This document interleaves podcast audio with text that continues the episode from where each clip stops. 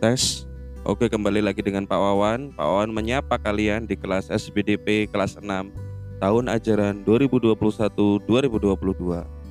Untuk pendengar podcast, selamat datang di podcast Susah Tidur 52. Kalian mendengarnya bisa di Anchor Radio, bisa di Spotify, bisa di Google Podcast juga ya. Oke, untuk penonton YouTube, selamat datang di YouTube Tidur Pagi ya. Uh, edisi materi seni budaya dan prakarya. Jadi Selamat datang di YouTube Pak Wawan. YouTube Pak Wawan ini isinya ya karya-karya Pak Wawan juga. Selain video ngajar, ada video Pak Wawan manggung, ada video lagunya Pak Wawan yang sudah dirilis secara resmi yang juga kalian bisa dengar di Spotify, Joox dan semua aplikasi musik di Apple Music juga bisa. Seperti lagu Amanda dan kepada jantung hati. Waduh, malah jadi promo ya. selamat datang Uh, untuk hari ini kita akan belajar tentang patung ya. Materi pokoknya adalah patung. Jadi KD-nya adalah tentang patung ya. Uh, salah satu kesenian yaitu patung. Tujuannya adalah supaya kalian mengerti apa itu patung ya untuk pertemuan hari ini ya. Mengerti definisi patung itu tujuan pembelajaran kita ya. Oke, tidak akan berlama-lama. Apa itu patung? Jadi yang pertama pengertian patung.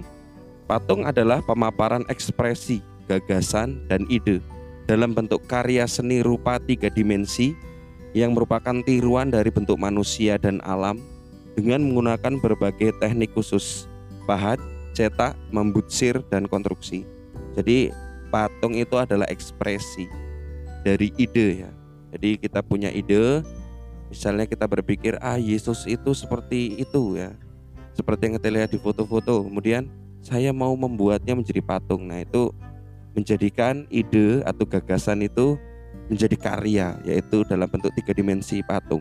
Kenapa tiga dimensi? Karena patung itu tiga dimensi. Apa itu tiga dimensi? Artinya memiliki volume, memiliki panjang, tinggi dan juga memiliki lebar ya.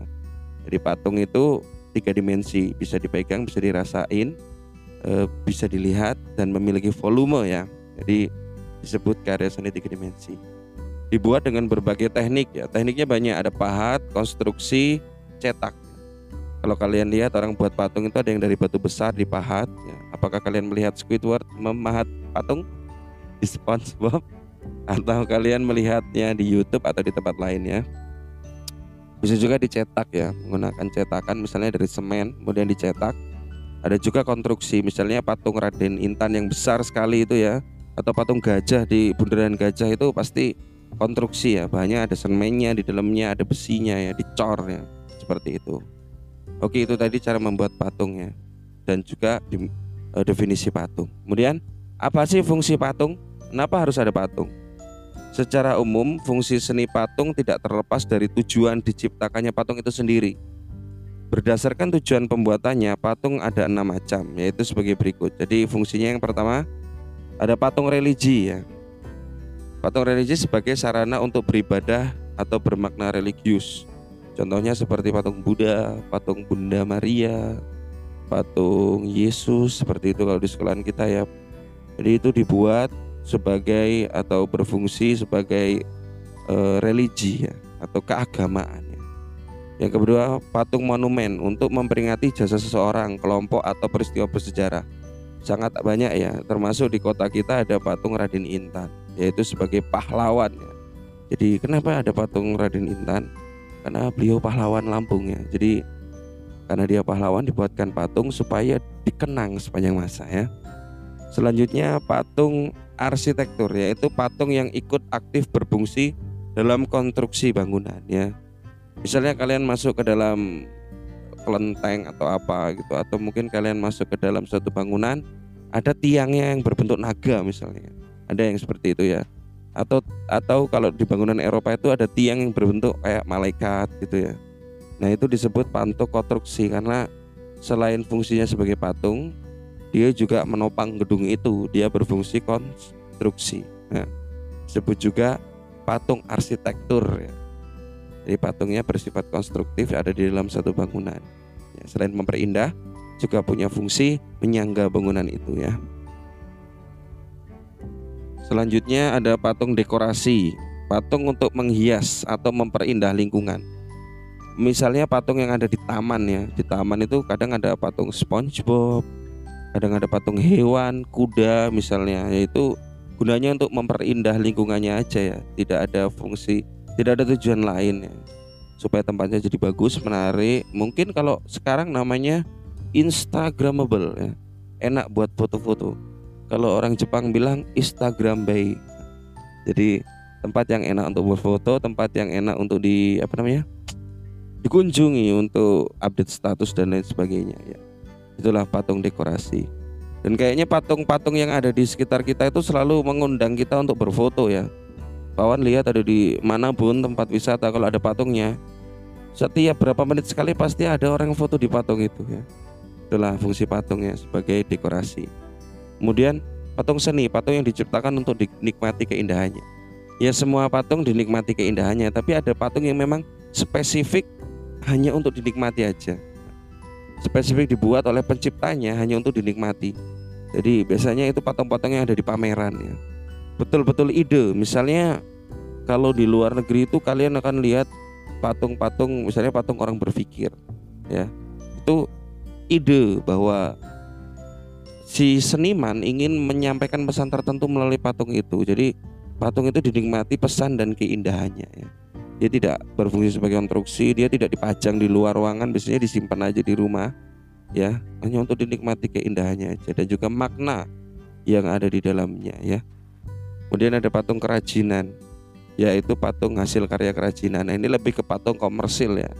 Misalnya patung-patung yang dijual secara komersil patung-patung yang dibuat uh, oleh para pengrajin ya untuk dijual untuk di, ya akhirnya digunakan untuk hiasan dan lain sebagainya tapi dia bersifatnya massal ya.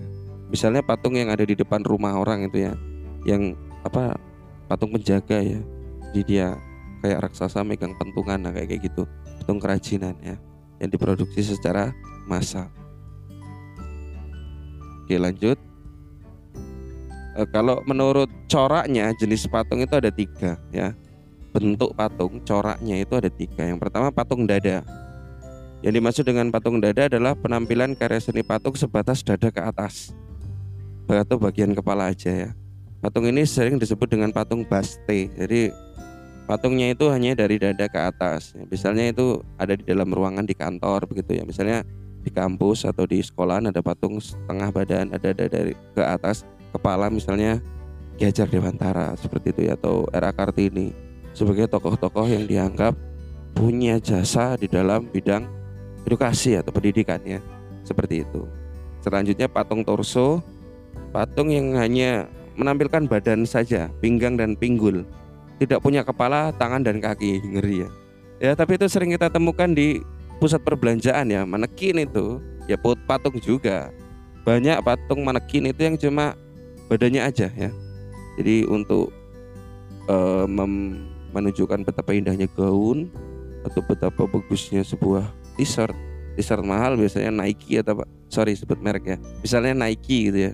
Atau t-shirt Puma. Nah, itu 3 second lah kalau Indonesia ya. Sebut juga produk lokal ya. 3 second green light kayak gitu ya.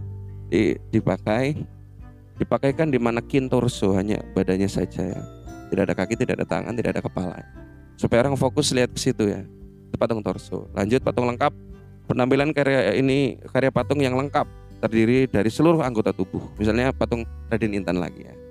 Di patung Raden Intan atau manekin ada juga yang lengkap. Jadi kelihatan betul mana badannya, mana kakinya, mana tangannya, mana wajahnya, bahkan ada wajahnya, mana kepalanya, ada rambutnya.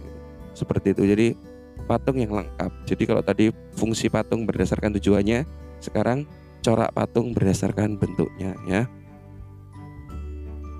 Oke dilihat dari perwujudannya. Nah, sekarang wujudnya ya ragam seni patung modern dapat dibedakan menjadi tiga corak. Yang pertama corak imitatif. Corak ini merupakan tiruan dari bentuk alam. Perwujudan patung ini berdasarkan fisiologis plastik atau bentuk fisik, baik anatomi, proporsi maupun ekspresi. Jadi patung imitatif atau patung meniru ya, meniru bentuk alam. Misalnya patung kuda ya plak kayak kuda betul, kakinya, eh, proporsi badannya, perutnya kayak kuda sekali ya, gitu loh.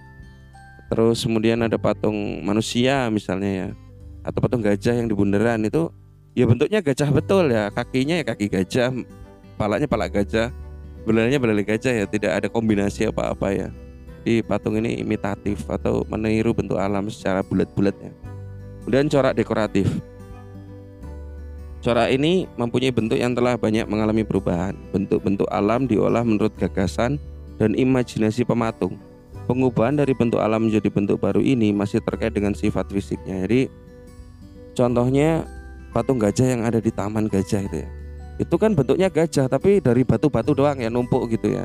Ya ada belalainya ada kakinya tapi berbeda ya. Ada ada imajinasi di dalamnya. Ada ada apa namanya ada kreasi di dalamnya jadi berbeda dengan gajah mirip gajah tapi tidak gajah sungguhan gitu ya jadi walaupun gajah tapi dia terkonstruksi atas batu-batu begitu ya jadi itu salah satu contoh eh, patung yang dekoratif ya Kemudian lanjut. Kemudian corak non figuratif atau abstrak. Corak ini secara umum sudah banyak meninggalkan bentuk-bentuk alam dalam perwujudannya. Contoh abstrak banyak dipengaruhi oleh aliran konstruktivisme. Patung dipandang sebagai rangkaian bentuk konstruksi, yaitu susunan materi seperti besi, plat, kawat, kayu dan lain sebagainya. Jadi ini udah abstrak ya. Misalnya kayak patung di Jakarta kemarin ada patung bambu ya. Jadi bambu dibentuk menjadi konstruksi patung. Bentuknya entah bentuk apa itu cuma diliuk-liukin gitu, tapi indah. Tapi indah ya. Jadi bentuknya sudah abstrak ya. Itu misalnya. Kemudian banyak juga patung-patung yang lain kayak patung-patung modern misalnya kalau kalian tahu eh, pemahat seperti eh, namanya Eko ya Eko Nugroho dari Yogyakarta itu dia membuat patung tapi bentuknya macam-macam ya. Bentuknya abstrak ada bentuk api kayak kayak jilatan api tapi ada mata di dalamnya ngeri ah. Tapi tapi kalian boleh kok lihat di Google ya bentuk-bentuknya unik seperti itu. Jadi abstrak bentuk alam apa sebenarnya ini? Tidak ada bentuk alamnya itu bentuk kembali lagi tadi definisi patung adalah gagasan pemikiran. Kalau di kepalanya lagi ada bentuk bola yang ada kakinya ya dia akan buat bentuk bola yang ada kakinya gitu. Ya, seperti itu ya. Jadi bentuknya sudah abstrak itulah yang ketiga ya. Oke, itu tadi materi kita hari ini cukup sampai di situ. Bagi kalian yang ketinggalan materi ini bisa menyaksikannya di YouTube ini, bisa juga membacanya di uh, blog seni budaya dan prakarya kelas 6.blogspot.com. Kalian juga bisa mendengarkannya melewati Google Podcast dan juga Spotify ya, podcast Susah Tidur 52. Uh, eh, tetap jaga kesehatan, patuhi 5M, menurut dengan Bapak Ibu guru dan orang tua dan jangan lupa salam Fransiskus berjiwa besar.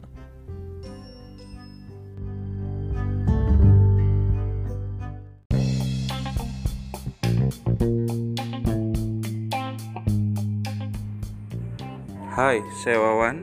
Dengarkan podcast saya Susah Tidur 52 di Spotify, Anchor Radio, Breaker Radio, dan Google Podcast. Kalian juga akan bisa mendengarkan materi seni budaya dan prakarya kelas 6 dan segala macam obrolan lainnya yang walaupun random yakin itu bermanfaat ya. Jadi stay tune.